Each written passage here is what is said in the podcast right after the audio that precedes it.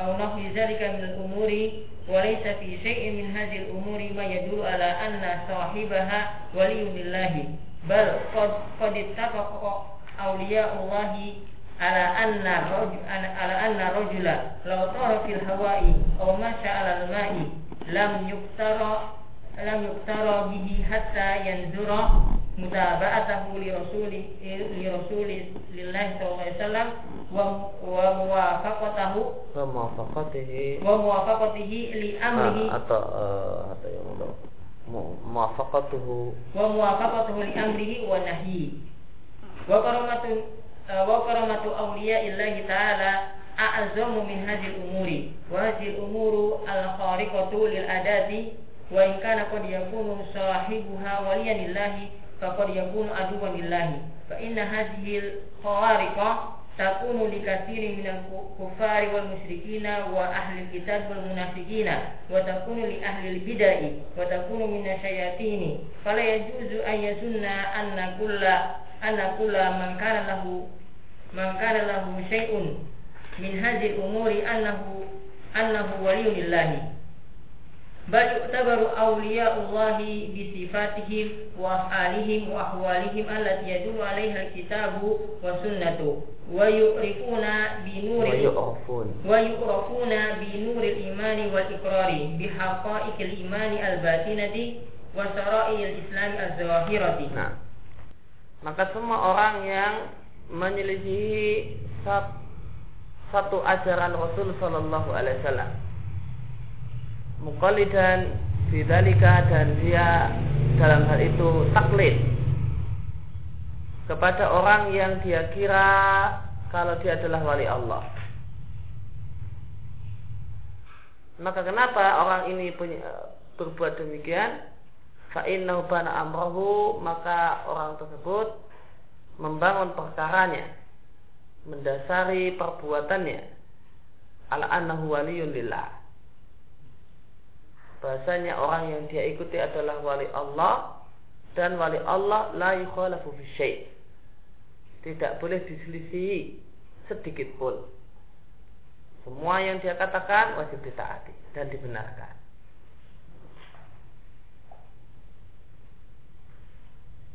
Nah, jika kita jumpai ada orang yang menyelisihi satu ajaran Rasul Shallallahu Alaihi Wasallam dengan alasan wali Allah tidak semacam itu maka perlu diketahui sebab musababnya adalah karena prinsip dia dalam beragama. Yaitu dia punya prinsip anna wali Allahi la yukhalaf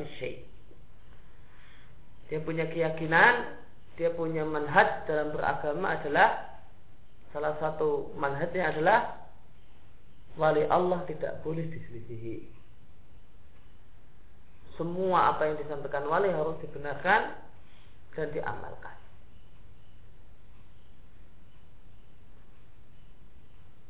Padahal yang benar, prinsip agama yang benar, walau kana hadza rajul min akbari illah.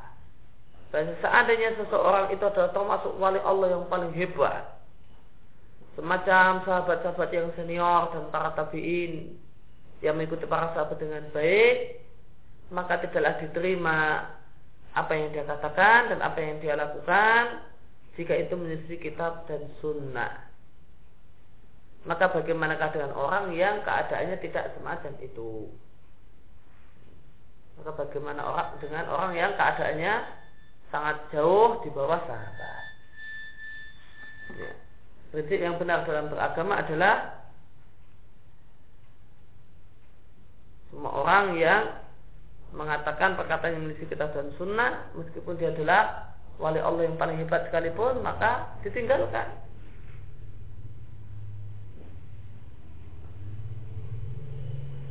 Itu kathiran min haula dan kau temukan banyak dari mereka-mereka orang yang punya prinsip tadi anna wali Allah la yukhalafu fi syai'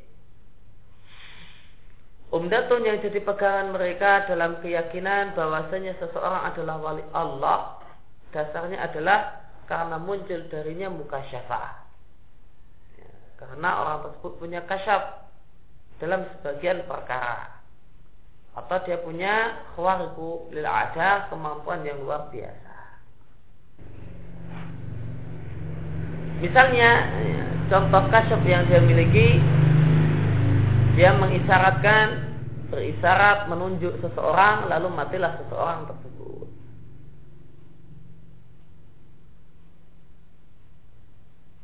Dia katakan orang ini nanti akan mati dan betul matilah orang tersebut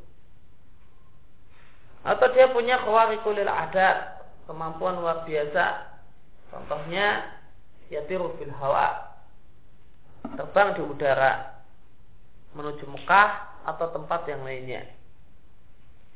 Atau punya kemampuan berjalan di atas air kadang-kadang. Atau bisa memenuhi ibrit memenuhi wadah air teko atau seret minal hawa dari udara. Atau yung fiku ba'dal awqat minal ghaib. Bisa membelanjakan pada sebagian waktu dari bisa ya, tiba-tiba bisa mendatangkan uang. Namun ba'dul awqat kadang-kadang. Ya, jangan datangkan uang dari gaib atau dia bisa menghilang. Punya kemampuan untuk ayat tafiyah ahyanan an ayunina. Punya kemampuan untuk menghilang. Ya, kadang-kadang tersembunyi dari pandangan manusia. Atau sebagian orang ada yang berdoa minta tolong kepadanya. Bahwa ibu padahal dia sedang pergi atau dia sudah mati maka orang yang memohon pertolongan tersebut melihat orang yang dia minta yaitu si wali qad datang dan memenuhi hajatnya. Atau dasarnya diyakini ini adalah seorang wali karena orang tersebut yukhbirun bisa memberitahu kepada orang lain bimasur kolahum bahasanya motormu yang dicuri itu berada di sini. Saya nebak barang hilang.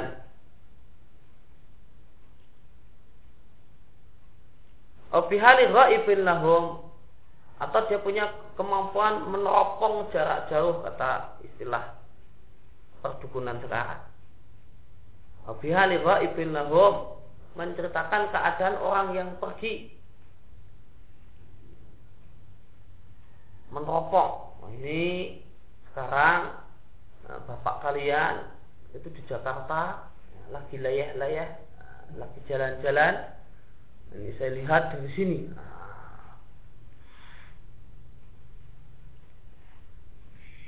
maka e, dirasa memiliki kemampuan bihali ghaibin lahu menceritakan keadaan orang yang pergi dari keluarganya dia sedang begini au maridin. Atau menceritakan keadaan orang sakit. Ada orang didatangkan langsung ditebak. Orang ini sakit. Dia sakit ini ini. Belum diceritakan sudah tahu sakitnya. Atau perkara-perkara yang lain. Nah hal-hal tadi itu jadikan dalil oleh banyak orang atau sebagian orang itu dijadikan dalil dan tanda kalau orang yang punya kemampuan-kemampuan tadi adalah wali Allah. Kata Syekhul Islam, "Walaisa fi syai' min hadhil umur maya dulu ala anna sahibaha waliyun. Tidak ada satupun dari perkara-perkara yang tadi disebutkan tidak ada satupun yang menunjukkan siapa yang memilikinya maka pelakunya adalah wali Allah. Bahkan seluruh wali Allah sepakat ada seseorang seandainya ada seseorang yang bisa terbang di atas udara atau berjalan di atas air la yurtaqa maka kita tidak boleh tertipu dengannya.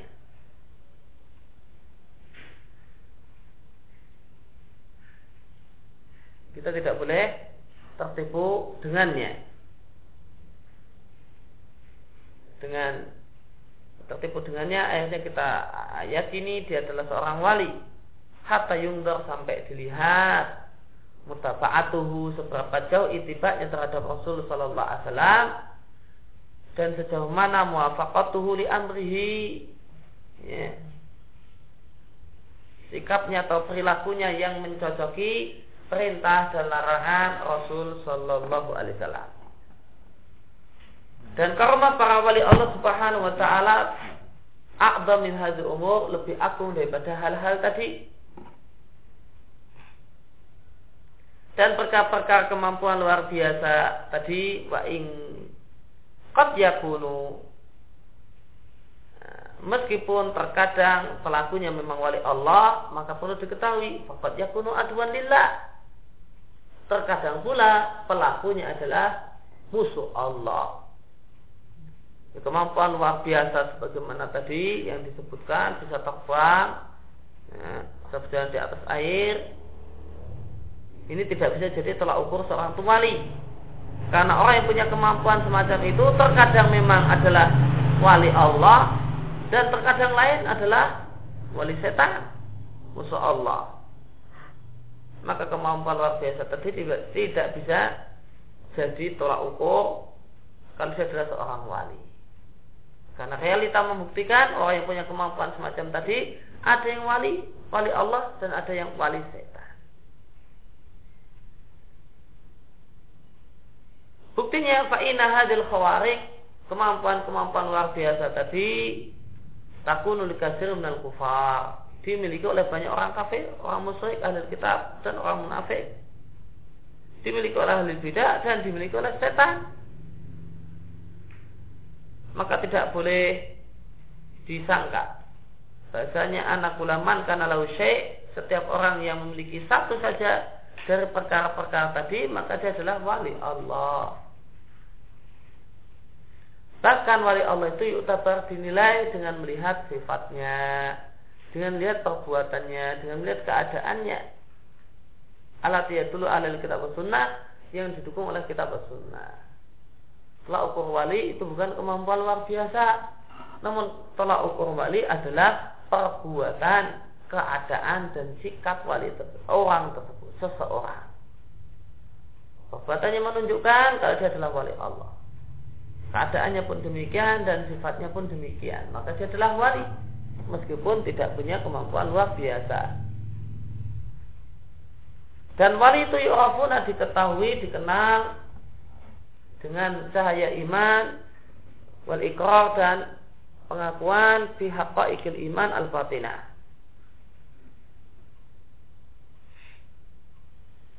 dengan berbagai hakikat iman yang bersifat batin dan ikrar pengakuan dengan berbagai syariat Islam yang zahir. Kalau seorang itu tidak mau ikrar dengan ikil iman, ya, seorang itu tidak mau mengikrari, mengikrarkan dan menerima bahasanya semua orang wajib mengikuti Rasul, maka dia bukan wali, bukan wali Allah namun wali setan. Dia tidak mau menerima hakikatul iman. Di antara hakik hakaik iman adalah semua orang wajib mengikuti Rasul. Siapa pun dia. Bagaimanapun tingkat ibadahnya. Jika tidak mau menerima hal ini dan masih tetap berkeyakinan bahwa jika orang itu telah sampai derajat tertentu, makam tertentu maka tidak wajib mentaati Rasul, maka dia kafir. Dan bukan oleh Allah namun wali setan. Dan seorang wanita dikenal dengan ikrar bisa Islam. Ya. Ikrar untuk uh, pengakuan terhadap ikrar terhadap syariat Islam. Ya. Mengakui bahasanya salat itu wajib atas setiap orang. Maka jika seorang itu uh, ada seorang yang dianggap wali dan dia berkeyakinan bahasanya salat, uh, salat itu tidak wajib atas person tertentu, maka ini bukan wali Allah namun wali setan. Hana. ومثال ذلك أن هذا أن هذه الأمور المذكورة وأمثالها قد توجد في في أشخاص ويكون أحدهم لا يتوضأ ولا يصلي ولا يصلي الصلوات المكتوبة. مكتوبة. مكتوبة. بل يكون ملابسا. ملابسا. بل يكون ملابسا لنجاسات معاشرا للكوابي. ويحوي إلى حمامات والإمام والمخالف والمجابل Mazabili. Wal mazabili. Raihatahu khabithatan. Khabithatun. Khabithatun. La yata la yata la yata taharu taharatu asyari'ata. Taharata. Taharata asyari'ata. Asyariyata. Asyariyata wala yatana wala yatanazzafa. Waqad qala Nabi sallallahu alaihi wasallam لا يدخل لا تدخل الملائكة لا تدخل الملائكة بيتا فيه كلبا ولا فيه كلب. فيه كلب ولا كلب جنب. ولا جنب. وقال عن هذه الأقلية إن هذا هذه الخشوش إن إن هذه الخصوص م- محتضرة محتضرة نعم. ay tahduru hal syayatinu syayatina syayatinu. syayatinu wa qala man akala min hataini syajarataini khabithataini fala yaqribanna fala yaqrabanna. Fala yaqrabanna masajidana. Fa innal malaikata tata'azza mimma yata'azza minhu banu adam. Wa qala inna allaha tayyibun la yuqbalu illa la yuqbalu. La yuqbalu layak balu layak balu ila tayyiban. Wa qala inna allaha nazifun yuhibbun nadhafata. Wa qala khamsu fawasiqin. Khamsu fawasiqa. Khamsu fawasiqa yaqtulanna yuqtalna. Yuqtalna fil hilli wal harami. Al hayyatu wal fara'atu. Fa'atu wal fa'ratu wal hurabu wal hurabu wal kalbul والكلب والحمزة والهدأة والحدث وفي رواية الحية والأقرب وأمر وأمر وأمر صلوات الله وسلامه عليه بقتل الكلب كلاب بقتل الكلاب وقال من من قتل كلبا لا يغنى عنه لا يغني عن زرعا لا يغني عنه شرعا ولا ضرعا نقص نقص نقص من عمله كل يوم كل يوم كل يوم قيراط قيراط وقال لا تحسب الملائكة ملائكة لا تحسب الملائكة آه، رفقة رفقة معهم كلب Nah. Wa misalu dzalika dan contoh hal ini Ana hadil umur atau bahasanya kemampuan-kemampuan hebat yang tadi telah disebutkan dan semisalnya qad tujad fi ashab terkadang dijumpai pada beberapa person. Padahal person tersebut tidak pernah berwudu tidak pernah sholat fardu. Bahkan dia mula bisa linajasa dia adalah akrab dengan najis muasyiran lil qilab dan bergaul dengan anjing yakwi ilal hamamat dan sering berada di hamam di kakus tempat buang air wal tempat sampah wal makabir nah, dan pekuburan.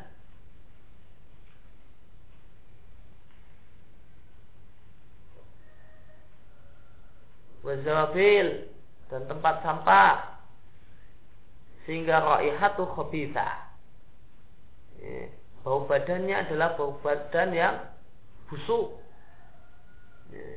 Karena nggak pernah bersuci bahkan berada di tempat-tempat tersebut tidak pernah bertohara dengan tohara yang syar'i jangankan tohara ya tanazab bersih-bersih yang bukan tohara saja tidak pernah dia lakukan. Tidak pernah tohar syar'i artinya tidak pernah wudhu, tidak pernah mandi besar, baik yang wajib ataupun yang sunnah. Walai tanazat, ya tanazat, ya, tidak pernah cuci muka, cuci uh, atau yang lainnya. Ini cuma sekedar bersih-bersih tanazat. Sedangkan tohar syariah, tanazat saja tidak dia lakukan. Padahal Nabi Shallallahu Alaihi Wasallam mengatakan eh, malaikat yaitu malaikat rahmah kata para ulama tidak akan memasuki satu rumah yang isinya di dalamnya ada anjing tidak pula orang junub. Dia catatan kaki kata muhakkik hadisnya lemah diatkanlah Abu Dawud dan Nasai dari Ali bin Abi Thalib radhiyallahu anhu tidak oleh Al-Albani dalam Daiful Jami' kata Al-Albani hadis ini sahih namun tidak tanpa tambahan wala junubun. Yang sah adalah la tadkhulul malaikatu baitan fi kalbun wala suratun ya, ini malaikat rahmat tidak akan masuk satu rumah yang di sana ada rumah dan gambar yang terlarang ya, tapi kalau bunyinya wala junubun maka kata-kata wala junubun itu tambahan yang lemah. Dan Nabi Shallallahu Alaihi Wasallam bersabda an hadil akhliyah tentang khala, tentang kakus, ya, tentang tempat buang air besar dan buang air kecil.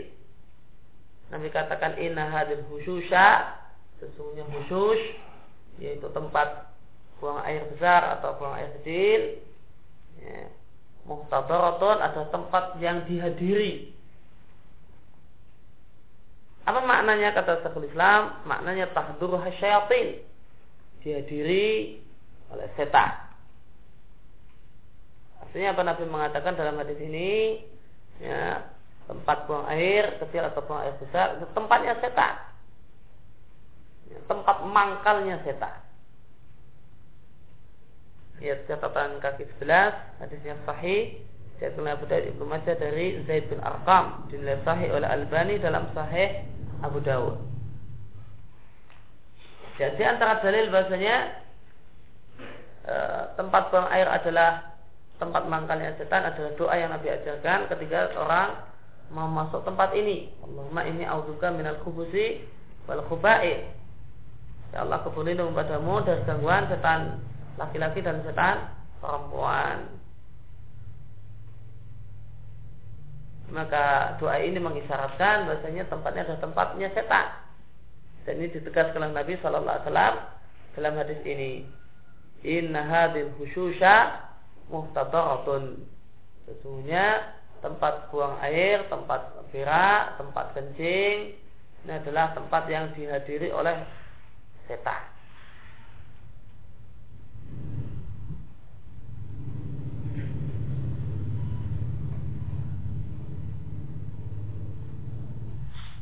Maka hal ini menunjukkan nah, tidak boleh seorang itu berlama-lama ketika berada di tempat ini.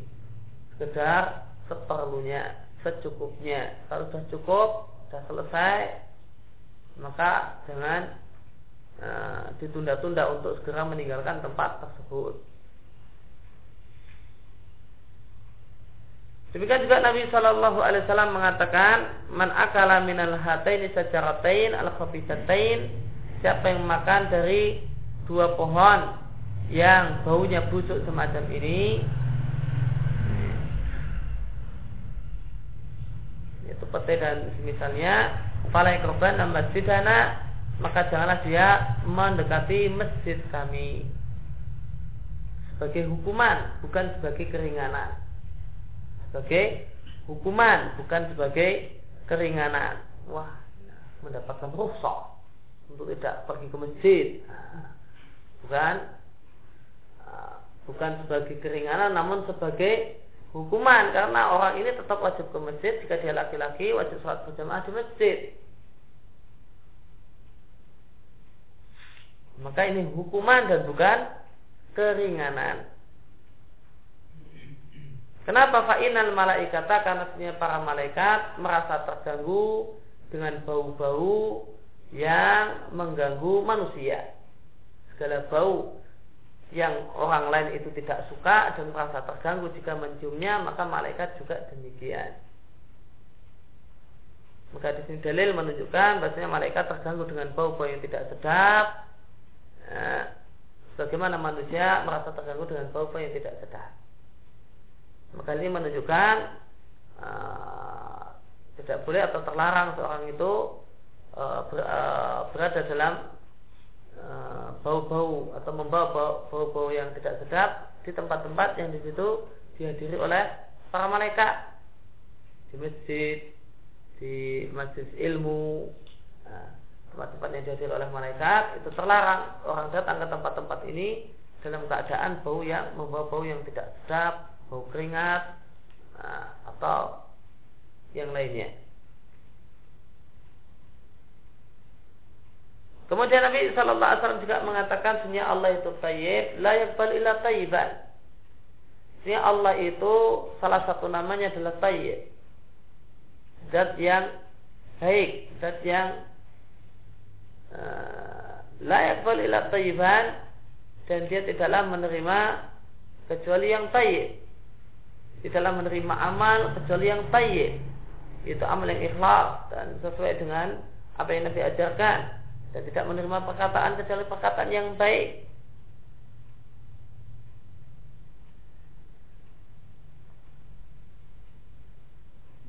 Dan Nabi Sallallahu uh, Nabi Sallallahu Alaihi Wasallam juga mengatakan, Inna Allah nazifun yuhibun nadhafa.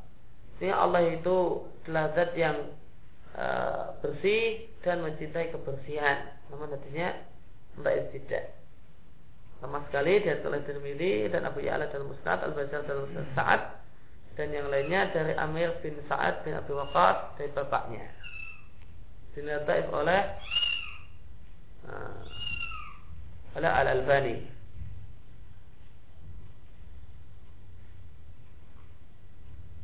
Maka ini ada di antara dalil-dalil yang dibawakan oleh Syekhul untuk Imtemiyah yang menunjukkan kalau ajaran Islam itu mencintai kebersihan. Ini adalah dalil yang dibawakan di antara dalil-dalil yang e, dibawakan oleh Syekh di sini untuk menunjukkan kalau Islam adalah e, Islam mengajarkan untuk mencintai kebersihan. Jika orang yang tidak pernah ya, membersihkan badannya, tidak pernah melakukan tohar yang syariah, bahkan bergaul dengan najis dan seterusnya, maka dia bukanlah seorang yang mempraktekkan dan melakukan ajaran Islam. Dan Nabi Shallallahu Alaihi Wasallam mengatakan ada lima hewan yang kurang ajar. Oleh karena itu boleh dibunuh di tanah halal dan di tanah haram. Di tanah haram saja boleh dibunuh, apalagi di tanah halal. Ada lima hewan pengganggu. Karena itu boleh dibunuh di tanah halal dan di tanah haram. Yaitu ular, tikus, gagak, anjing galak, dan sejenis burung namanya hada'ah. Dan berat yang lain, ular dan kalajengking. Dan Nabi Shallallahu Alaihi juga memerintahkan untuk membunuh ya, membunuh anjing. Dan Nabi Shallallahu Alaihi Wasallam mengatakan barang siapa memelihara anjing, layurni anhu zar'an tidak untuk menjaga tanaman, walau to'an tidak pula untuk menjaga ternak, maka akan berkuranglah amal solehnya setiap hari sebanyak satu kirab, yaitu satu gunung besar. Maka siapa yang melihara anjing tanpa ada manfaat dan keperluan yang dibenarkan oleh syariat, maka setiap hari pahalanya berkurang sebanyak satu gunung besar.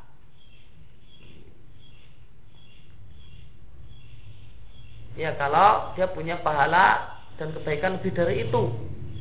Jika pahalanya kurang dari itu, maka tiap hari dia minus. Nah.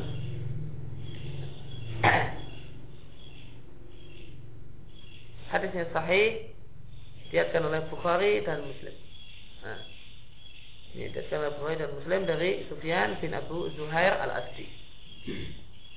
Demikian pula Nabi Shallallahu Alaihi Wasallam mengatakan malaikat tidaklah akan menemani satu rombongan yang di rombongan tersebut ada anjing yang ikut bersamanya.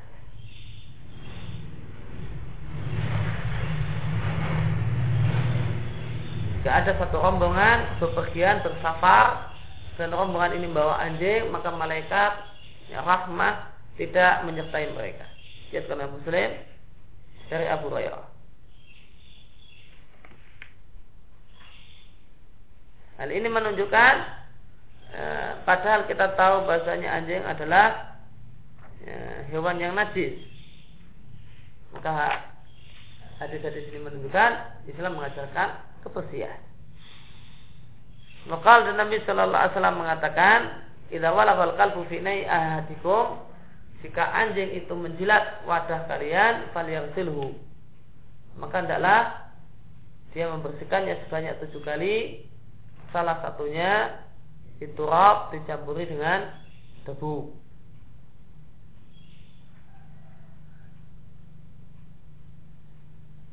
Dia adalah Bukhari dan Muslim dari Abu Hurairah. Dan yang terbaik jika debu tersebut diletakkan di awal-awal basuhan atau malah di basuhan yang pertama.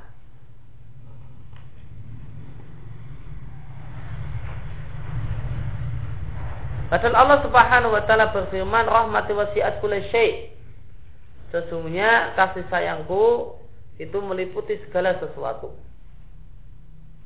Di tafsir lain dikatakan aifid dunia. Ai fit dunia. Di dunia kasih sayang Allah Subhanahu wa taala itu meliputi segala sesuatu. Kafir ya disayangi dalam artian diberi nafas, diberi sehat, diberi kaya, diberi duit, diberi bisa makan, bisa minum, bisa pakai pakaian, diberi gembira, diberi bahagia di dunia. Sebagaimana orang beriman juga diberi demikian. Maka ketika di dunia kasih sayang Allah Subhanahu wa taala meliputi segala sesuatu. Tidak dibedakan antara orang yang beriman dan orang kafir. Berkaitan dengan masalah nikmat-nikmat fisik. Dan Allah istimewakan orang-orang yang beriman dengan Allah beri nikmat-nikmat non fisik. Berupa iman, ya, taufik dari Allah Subhanahu wa taala, daya dan yang lainnya. Wasa buah dan akan aku tetapkan rahmatku ai fil akhirah lilladzina yattaquna yu'tuna zakata walladzina hum bi ayatina yu'minun dan akan aku tetapkan dan akan aku tetapkan kasih sayangku di akhirat nanti hanya untuk orang-orang yang bertakwa membayar zakat dan mereka dan orang-orang yang beriman dengan ayat-ayat kami. Maka Allah katakan sedangkan di akhirat maka rahmat Allah Subhanahu wa taala hanya untuk orang yang beriman. Adapun di dunia maka rahmat Allah meliputi segala sesuatu. Orang kafir dan orang yang beriman semuanya mendapatkan rahmat Allah. Sehingga mereka mendapatkan berbagai kenikmatan ketika di dunia.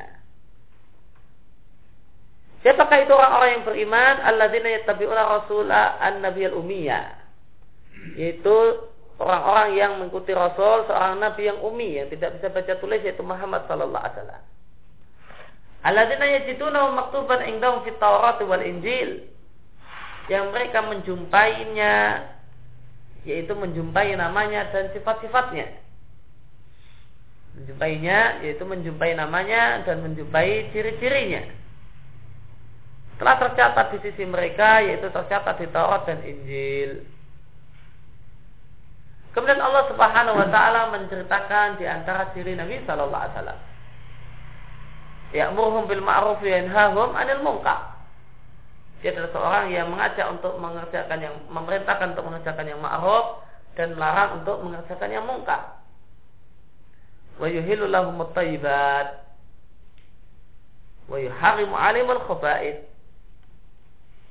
Dan di antara ciri Nabi Shallallahu Alaihi Wasallam dan ciri syariat Nabi Shallallahu Alaihi Wasallam adalah yuhilulah mutaibat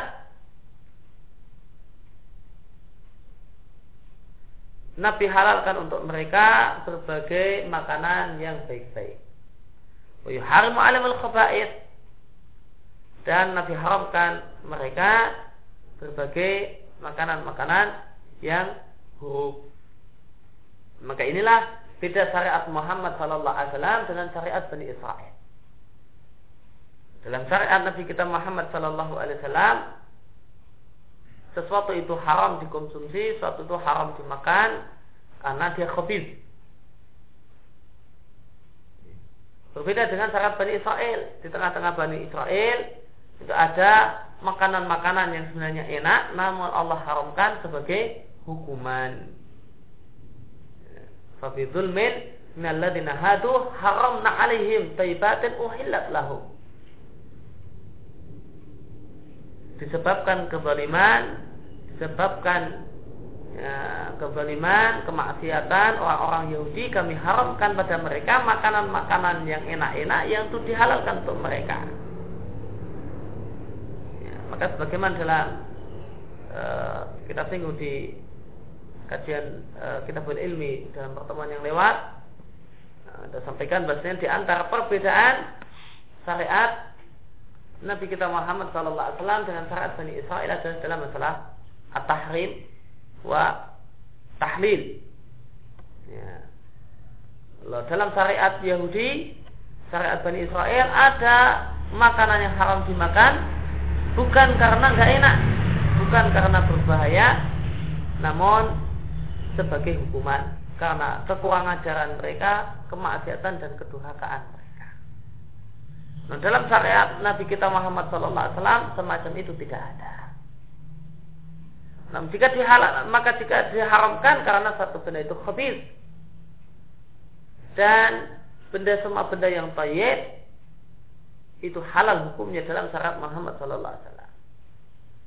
Benda yang manfaat yang enak, manfaat, tidak menimbulkan bahaya, maka itu dihalalkan. Adapun yang buruk, yang berbahaya, maka itu diharamkan. Dan yang dimaksud khaba'ith di sini yang buruk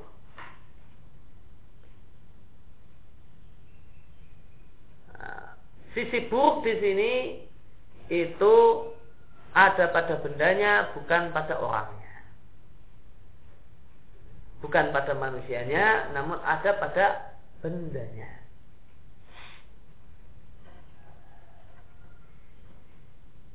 Demikian menurut pendapat yang paling kuat dan inilah pendapat yang dibelah Syekhul Islam Ibnu Taimiyah rahmatullahi alaih. Dan yang khabis buruknya benda yang itu diharamkan untuk dikonsumsi terletak pada bendanya bukan pada manusianya Orang menganggap ini buruk, dia nggak suka,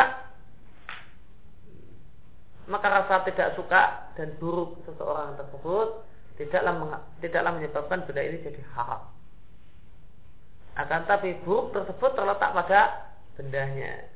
Ketika satu benda ini buruk karena dia membahayakan pikiran, membahayakan badan, nah, maka ini benda yang haram dikonsumsi.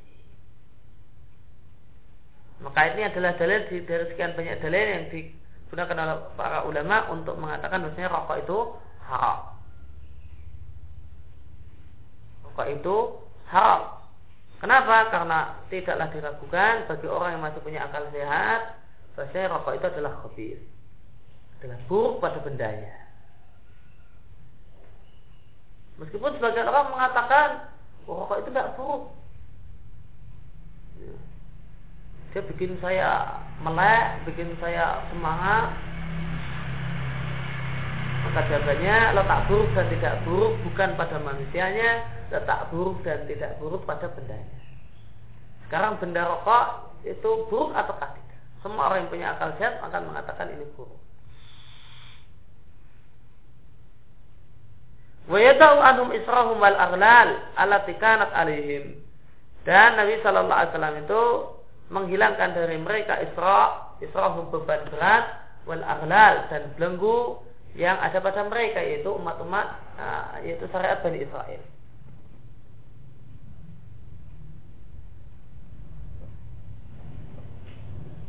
Apa beda Isra, Isra sama Aghlal? Bagaimana dikatakan oleh Syekhul Islam Taimiyah di Iqtida Shiratal Mustaqim? Isra itu maknanya adalah al-wajibat. Sedangkan al-aghlal itu maknanya al-muharramat.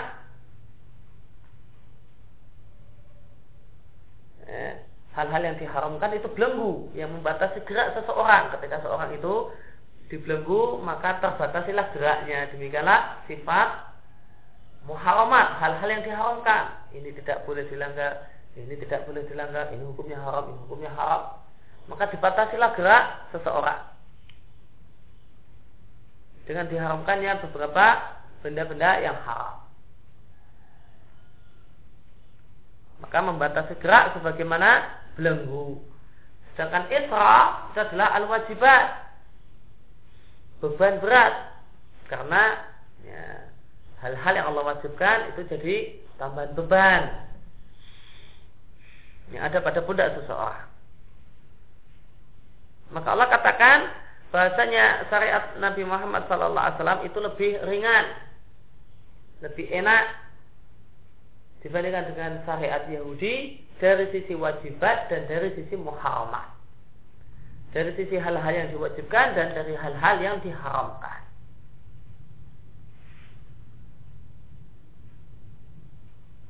Faladina amanu bihi maka orang-orang yang beriman dengan Nabi Sallallahu Alaihi Wasallam wa azaru maknanya di jalan lain waqaru memuliakan Nabi wa dan membela Nabi Sallallahu Alaihi Wasallam wa taba'u nural ladzi unzila ma'ah dan mengikuti Al-Qur'an yang Allah sebut dengan nur cahaya yang diturunkan oleh Nabi diturunkan oleh Allah Subhanahu wa taala bersamanya. Ulaika humul muflihun, maka mereka orang-orang yang beruntung.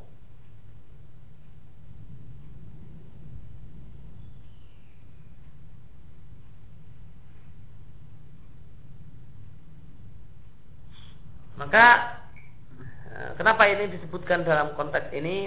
Wallah alam kayaknya diambil dari wa yuhilu lahum thayyibat wa yuharrimu alimul khaba'is. Jadi sedang, sedang membahas keburukan-keburukan, kotoran-kotoran, maka semua yang kotor-kotor itu haram. Ada orang yang dianggap wali, ya, padahal nggak pernah wudhu, nggak pernah ini, ya, ya, karena bertapa sampai badannya lumutan nah, dianggap wali nah. ini orang ini nggak pernah tanazuf nggak pernah cuci muka nggak pernah wudhu nggak pernah sholat karena jaga pinggir kali. Kemudian nah, jadi wali. Wali yang jogo kali. Kali jogo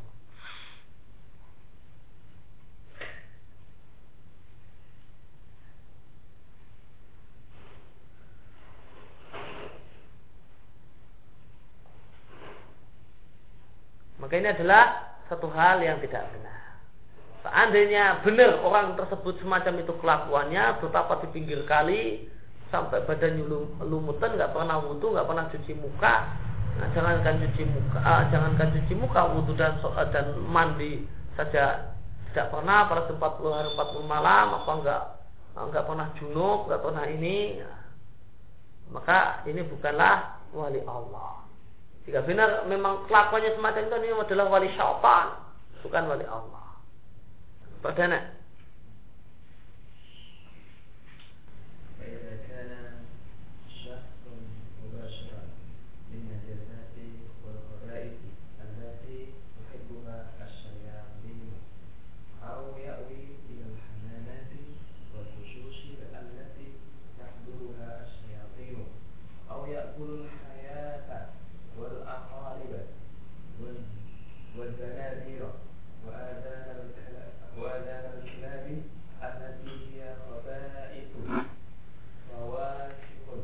وفواسق. أو يشرب البول ونحوها من النجاسات التي تحبها الشياطين. أو يدعو غير الله ويختلط بالمخلوقات. ويتوجه ويتوجه إليها. أو يسجد إلى ناحية قبر الشيخ. ولا يخلص التينة ولا يخلص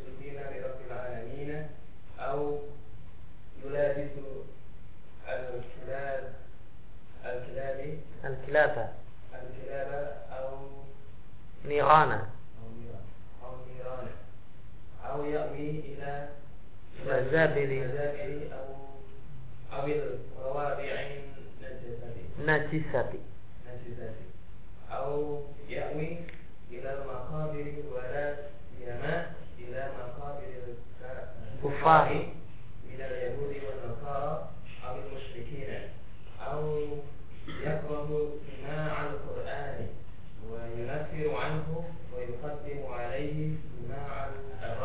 سماع. سماع الأغاني. ويقدم عليه سماع الأغاني والأشعار. والأشعار. سماع الأغاني والأشعار ويؤثر. ويؤثر أو ويؤثر نعم. ويؤثر. ويؤثر سماع مزامير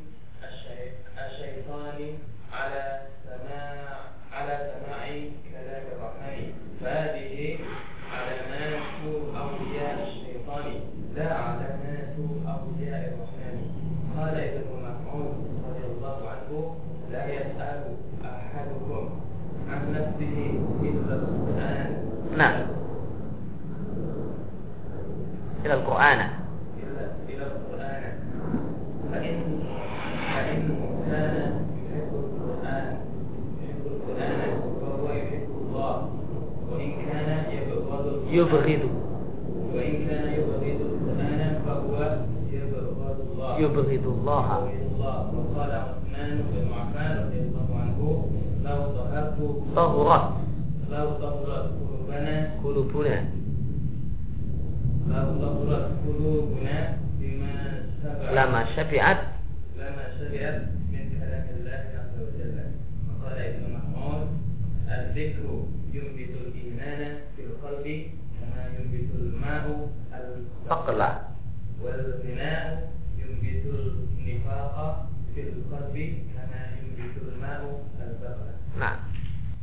Faidakana saksu, maka jika seseorang itu mubadir lin najasat, ya, akrab dengan yang najis-najis dan yang kotor-kotor, padahal najis dan kotor adalah satu hal yang disukai oleh setan, atau yawi ataukah berada ber, ya, tinggal ya, di hamamat, di kakus, khusus dan kakus yang dihadiri oleh setan. Ayakul hayat atau bahkan makanannya adalah ular, kepala jengking, zanabir, kumbang, wa adanil kilab, ya, telinga telinganya anjing, nah, itu jadi makanannya. Artinya khubais, yang anjing itu adalah binatang yang kotor, fasik dan termasuk binatang fasik, binatang kurang ajar, binatang pengganggu. Oh ya serbul baul atau minum air seninya sendiri atau air seni orang lain. Dan atau hal-hal najis yang lain yang disukai oleh setan. Atau berdoa kepada selain Allah. Dia memohon yastaghitsu memohon bantuan dengan makhluk. Wa yatawajjah ilaihi dan uh, menyatukan hatinya pada makhluk artinya berdoa dengan penuh khusyuk pada makhluk atau bersujud pada salah satu arah kubur seorang syekh, seorang wali. Artinya dia tidaklah memurnikan ketaatannya hanya untuk Rabbil Alamin.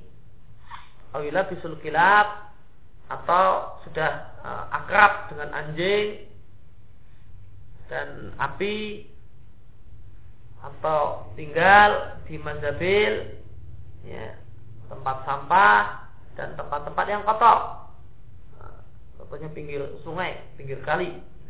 Atau ya'wi ilal makobir atau tinggal di kuburan, bertapa di kuburan. Dan pekuburan menurut banyak ulama adalah tempat kotor. Ya, menurut banyak ulama, kuburan itu tempat kotor. Karena bangkai itu najis, sedangkan tanah kuburan itu bercampur dengan bangkai manusia. Menurut banyak ulama. Meskipun ini pendapat yang kurang kuat. Namun kenapa kok makobir di sini dikait-kaitkan dengan tempat kotor? Maka mungkin bisa kita pahami dengan mengingat pendapat banyak ulama yang mengatakan bahasanya makobir itu tempat najis. Nah, kompleks pemakaman tempat najis karena bangkai itu najis. Nah, nah, sedangkan tanah pekuburan itu bercampur dengan bangkai manusia sehingga dia tanahnya najis. Oleh karena itu banyak ulama mengatakan banyak fuqaha mengatakan tidak boleh sholat di pekuburan itu sebabnya karena berarti sholat di tempat najis.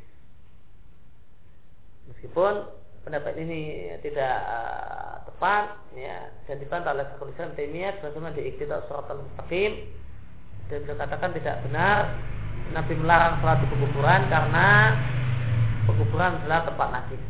Namun Nabi Shallallahu Alaihi Wasallam melarang sholat di pekuburan karena ya, dalam rangka untuk menutup jalan kesyirikan.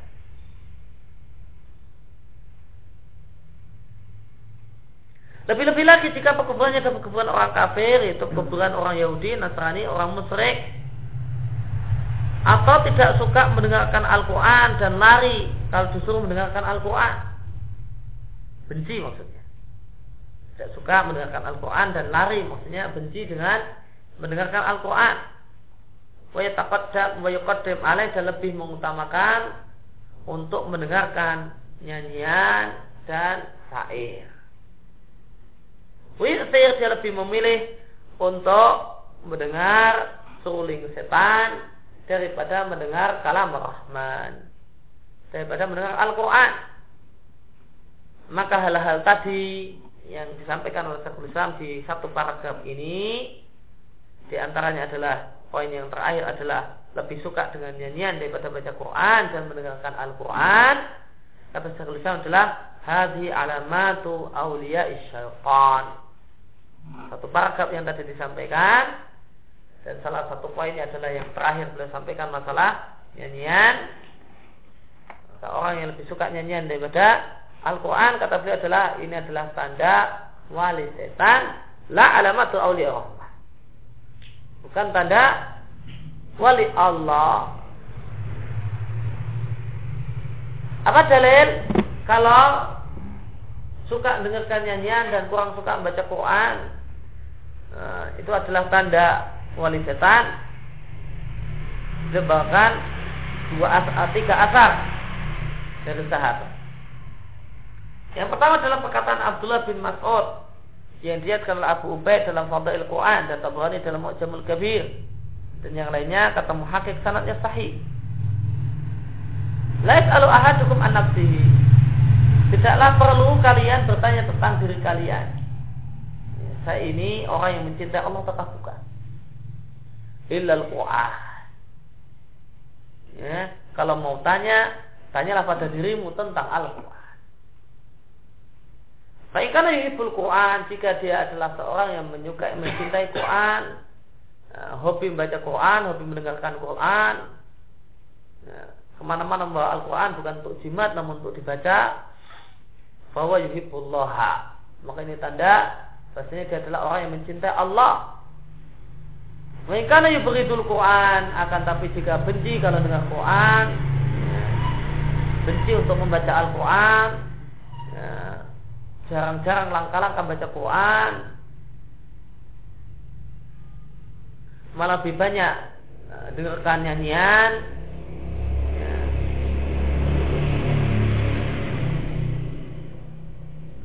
bahwa yubghidullah makin ada tanda kalau orang tersebut adalah orang yang membenci Allah Subhanahu wa taala maka nggak usah tanyakan pada dirimu uh, saya ini orang yang cinta Allah tak Sulit kalau mau jawab itu. Dan orang akan ngaku cinta Allah. Semua yang akan ngaku cinta Allah.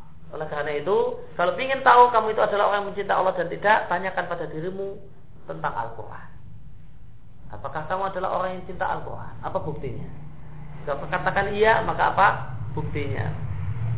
Maka jika mencintai Quran, maka itu tanda kata Ibnu Mas'ud berarti dia adalah orang yang mencintai Allah. Dan jika tidak bisa memberikan bukti kalau cinta Quran, ya maka berarti benci Quran. Maka ini tanda bukti kalau dia adalah seorang yang membenci Allah. Demikian kata Abdullah bin Mas'ud radhiyallahu anhu.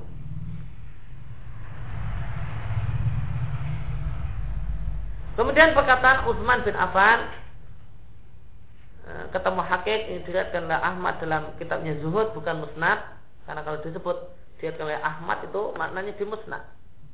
Imam Ahmad punya kitab yang lain yaitu kitab berisi riwayat-riwayat tentang Zuhud. Dan Ibnu Mubarak juga dalam kitab Zuhud namun kata Muhakkik sanadnya baik karena mu'dal. Karena ada dua perawi yang hilang berturut-turut. Mu'dal adalah satu riwayat hilang tidak disebutkan dua rawi berturut-turut di sana tersebut. Lalu apakah kesimpulannya sanatnya baik? Nah, Muhakir tidak berani menyimpulkan mengingat perkataan Al-Muttaqi Al-Hindi dalam kitabnya Kanzul Umal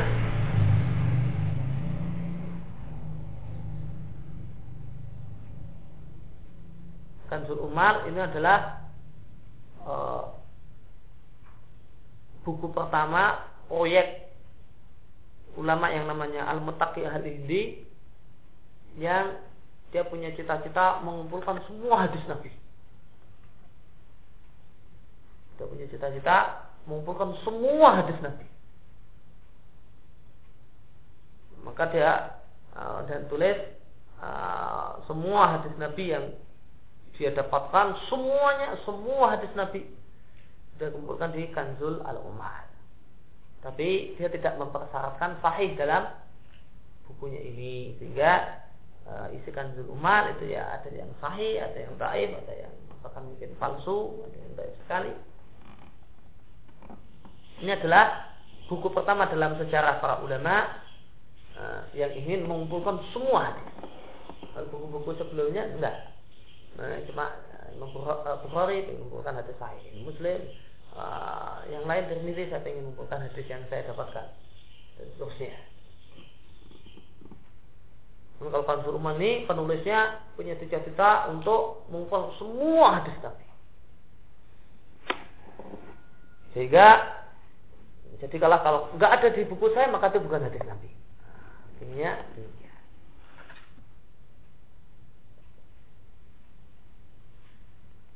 Nah, di sana dia katakan bahasanya dia menyebutkan uh, perkataan ini atau perkataan Utsman ini dan dia nisbatkan kepada dia tambahkan penisbatannya kepada Ibnu Asakir.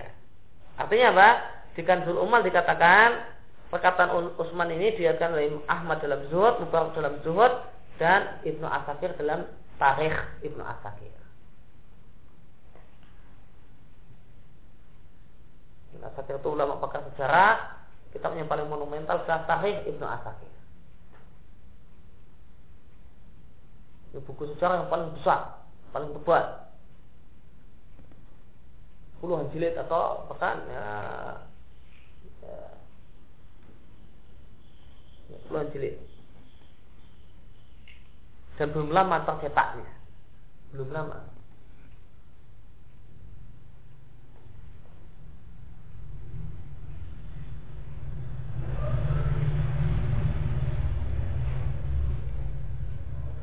Nah, di sini muhakik belum meneliti sanatnya Ibnu Asakir. Dia cuma baru ngecek uh, zuhudnya Imam Ahmad dan zuhudnya Imam Mubarak. Sehingga tidak siap, tidak bisa membuat kesimpulan. Utsman bin Affan radhiyallahu anhu radhiyallahu anhu mengatakan, "Lau taharat qulubuna, seandainya kita itu punya hati-hati yang jernih, hati yang bersih, la masabiat min kalamillahi azza maka kita tidak akan pernah bosan untuk membaca Al-Quran. Tidak akan pernah bosan untuk mendengarkan Al-Quran. Tidak akan pernah bosan untuk mempelajari Al-Quran. Seandainya hati kita adalah hati yang bersih. Maka jika ada orang yang bosan baca Quran itu tanda. Bagaimana keadaan hatinya? Kalau orang itu kok jelek bosan mendengarkan Al-Quran maka itu tanda gimana keadaan hatinya. Tapi kalau dengarkan nasihat nyanyian gak jelas-jelas diputar kasetnya sampai jebol ya masih belum jelas-jelas. Karena kalau diputarkan kaset Al-Quran itu jelas, nah bosan nah ini tanda bagaimana saat keadaan hatinya. Dan ini menunjukkan kalau nyanyian itu merusak hati dan bukan memperbaiki hati. Oleh karena itu, benar apa yang dikatakan oleh Ibnu Mas'ud, "Azikru yumbitul iman fil qalbi." Zikir dan termasuk zikir adalah membaca Quran itu menumbuhkan iman dalam hati. Sebagaimana air menumbuhkan sayur mayur. Wal sedangkan nyanyian itu menumbuhkan nifak dalam hati sebagaimana air menumbuhkan sayur mayur. Lihat kalau Ibn Abi Dunya dalam Zamul Malahi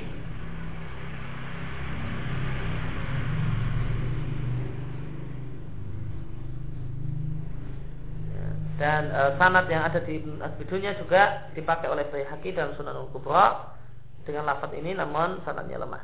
Lihatkan juga oleh Ibn Asbidunya di Zaman Marahi dan Muhammad bin Nasr Al-Maruzi dalam Ta'adzim Qadir Salat dan bahas dalam Sunan Al-Kubra dan dalam Sa'abul Iman namun dengan teks al-ghina yumbitun nifaqa fil qalbi bukan uh, nifaq fil qalbi. Cuma kalimatnya cuma pendek saja. Al-ghina yumbitun nifaqa fil qalbi. Kalau kalimat yang pendek ini kata muhakik sanatnya sahih. Sahih sampai Ibnu Mas'ud namun jika dinisbatkan kepada Nabi kalau marfu maka layasih tidak sahih. Ya, ada yang mengatakan bahwa al-hina yumbitun nifaq itu hadis Nabi, sabda Nabi, namun jika dinisbatkan kepada Nabi maka dhaif. Maka dari tiga perkataan sahabat ini sentinya menyimpulkan bahwasanya uh, mencintai Quran atau mengutamakan uh, nyanyian daripada Quran ini adalah tanda kalau itu bukan wali Allah namun wali setan. Demikian wasallallahu ala nabiyina Muhammadin wa ala alihi wa sallam wa alhamdulillah rabbil alamin.